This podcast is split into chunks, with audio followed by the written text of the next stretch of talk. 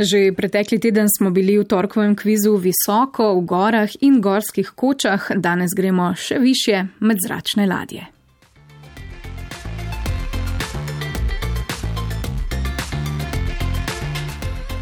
Izredni profesor dr. Tadej Kosel z Ljubljanske fakultete za strojništvo je tisti, ki nam bo delal družbo v nadaljevanju. Področje zračnih ladij zaradi nesreče Cepelina Hindenburg pred 83 leti ni popolnoma zamrlo in je zelo zanimivo, pravi uvodoma. Zdaj, zračne ladje so zanimive zaradi tega, ker lahko praktično lebdijo brez porabe energije ne, v zraku in to dolgo časa. Ne se pravi, niso tako omejene kot ostala letala in pa prevažajo lahko velike količine eh, tovora, ne, relativno poceni. Od tu tudi ideja, ki se je nedavno pojavila v Kanadi, da bi na mesto s tovornjaki z zračnimi ladjami dostavljali tovor v kraje, ki so po zimi zaradi naprimer poledenelih cest praktično odrezani od sveta. V primerjavi z letali helikopterji so zračne ladje uh, precej počasne. 100 km/h, recimo, je že tako uh, v redu hitro za zračno ladjo. Ne.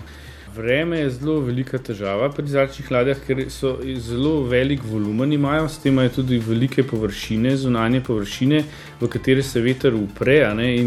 Eh, se pravi, motori imajo neko zmogljivost, vendar je to upor tako velik, da ga je težko, da bi bili motori preveliki, če bi hoteli ta upor premagovati. Že pri dosti majhnem vetru že nastane problem, ker pač zračna ladja ne more več proti vetru uh, potovati ne, in potem uh, lahko potuje z vetrom, vendar to je pa uh, potem ni več upravljiva. Ne, Tovor torej ne bo šel na dolgo pot zračno ladjo, oziroma bodo zato morali biti izpolnjeni vsi pogoji, lahko pa se z njo na krajšo turo zapeljejo turisti. Zračne ladje so potem začeli uporabljati predvsem v turistične namene, ne, se pravi za prevažanje potnikov, recimo tle v Friedrichshafnu, kadar je ta letalska prireditev vsakoletna, je potem to turistična atrakcija let z, z zračno ladjo ne, po okolici okrog Bodenskega jezera in pa v reklamne namene, ne, z velikim napisom na, na, balon, eh, na zračni ladji in pa tudi s prevozom potnikov. Seveda pa ladje in potniki v zrak ne morejo brez posadke. Zračna ladja ima seveda ima motorje, pilota, kopilota oziroma samo pilota, odvisno od velikosti. Krmari se jo z smernim in višinskim krmilom in pa z motorji, In motori poskrbijo, da je cepelin mogoče obračati v levo in desno, da lebdi v zraku pa je zaslužen plin heli. No, glede na konstrukcijo zračne ladje delimo na tri vrste. Začeli so s to konstrukcijo, ker je zunanje obliko držala neka uh, konstrukcija in noter so bili rezervoarji za, za vodik oziroma za heli. Potem je pol toga konstrukcija, kjer zunanjo obliko drži tlak v, v sami zračni ladji in je potem samo del podkonstrukcije, na kateri so obešeni motori in pa tovor. Potem pa obstajajo tudi čisto mehke konstrukcije zračne ladje, kjer je uh, tlak drži zunanjo obliko.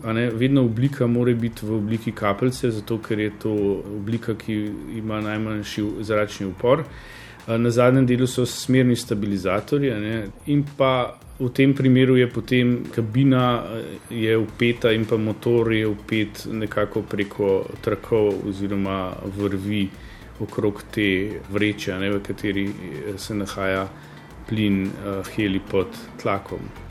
Obstajajo pa tudi zračne ladje na topov zrak, za njih torej ni potreben heli, ki ga imamo na svetu sicer v omejenih zalogah, je pa potrebno pogosteje menjati tkanino, iz katere je sestavljeno ogrodje ladje. Povejmo še, da obstajajo tudi električne zračne ladje, te so seveda še bolj ekološke kot ostale. No, ne glede na to, kaj jih poganja in drži v zraku, pa ko se spustijo na tla, vedno potrebujejo res veliko prostora hangari, kamor se morajo spraviti, ne po letenju. Eh, zunaj bi to pri nevihtah, močnem vetru in to ne bi, bi se utrgala, ne, ker je upor zračni prevelik in se poškodovali. Morajo biti spravljeni v hangarju in ti hangari so res ogromni. Ne, to, se pravi, to je ena slaba stran, da zauzame ogromno prostora v hangarju, kjer se servisirajo, kjer, kjer se pač shranjujejo med tem časom, ko naletijo. Ne. Verjetno pa zanimivo zgleda tudi parkiranje zračne ladje. Ja, zdaj imajo mobilno, ponavadi mobilno enoto, kjer je nek kamion, na katerem je tak drog, nopični drog, na katerega se potem ta a, zračna ladja a, pritrdi. Tudi, ko je na tleh, ima ponavadi ima spodaj pod kabino eno samo kolo ne, in na tisto kolo potem nekako pristane in uh, nekako manevrira po tleh, kadar je potrebna če potuje zračna ladja po različnih krajih, pa tam pristaja, mora pač ta kamion tudi iti za njo, oziroma imeti več takih enot. Je zračno ladjo smo zdaj parkirali, telefon je v dosegu rok in čas je za nagradno vprašanje. Še nekoliko dlje v zgodovino bomo šli k predhodnikom zračnih ladij, balonom na topli zrak. Prvi polet človeka z balonom nosi letnico 1783, nas pa zanima, kje se je to zgodilo. To je današnje nagradno vprašanje v torkovem kvizu na številki nič 1 475 2222, torej iščemo ime mesta, meščani katerega so lahko prvi opazovali polet balona na topli zrak.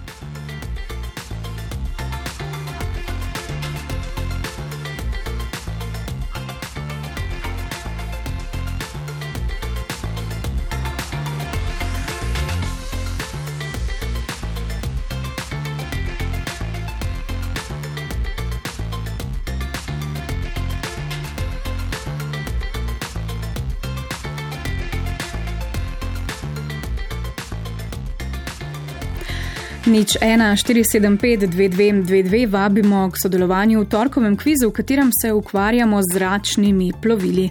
Nagradno vprašanje je povezano z baloni. Zanima nas ime mesta, v katerem se je zgodil prvi polet človeka z balonom na topli zrak. Nekdo je že z nami, Janez iz Vodic. Lepo pozdravljeni. Dobro jutro, dober dan. Takole, bo tole znanje ali boste ugibali? Ja, da bom ugibal, nekaj ste tam omenjali Friedrichshafen. Ne, ne bo ne. držalo, ni pravilno. Najlepša hvala za vaš Došem. poskus. Lep dan želim. Eh, pojdimo zdaj Ljubljano. Alois nas je tudi poklical. Dobro jutro, Alois. Eh, dobro jutro. Torej, mislim, da je bilo to v Parizu, eh, prvi pa poletu v Montgolfier. Um, prvo, eno imate prav, drugo ne, tako bova rekla, ampak imate prav tisto, po čemer smo spraševali, namreč, da se je to zgodilo v Parizu. Eh, sta pa brata Mongolfje res da avtorja oziroma tista, ki sta izumila in eh, uspela prva poslati balon eh, na topli zrak. Um, v zrak, tako, ampak tisti, ki so jih posadili v balon, pa so bili drugi.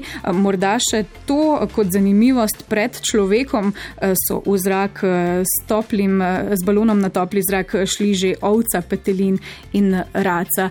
Alois, čestitam. Hvala. Morda še to, vi ste že kdaj leteli s cepelinom, bili v njem? Ne, to pa ne. Ne, eh, morda prej z letalom, helikopterjem. To pa. To pa. Eh, vam je bilo všeč tam v zraku? Ja, občutek je dober, ampak eh, ko pristaneš, je pa tudi dober. Ker kakšen eh, kamen se malo odvali od srca, ne? kakšna Tako. negotovost za to. Eh, Janez, torej, pardon, Alois, upravičujem, najlepša hvala, ker ste se nam pridružili. Lep torkov dan vam bom zaželela, ostanite pa še nekoliko pri telefonu, da si zapišemo vaš naslov. Velja? Hvala lepa. Vse dobro. Torej, um, to je bil eh, torkov kviz o zračnih ladjah. Če ste kakšen delček preslišali, vabljeni na našo spletno stran radio1.si, kjer bo kviz eh, k malu tudi objavljen v celoti zvočno. Um, no, naslednja glasovna vsebina, ki jo ponudimo pri nas na prvem, pa seveda ob sedmi uri, druga jutranja kronika, do takrat še pet minut. Dobro jutro.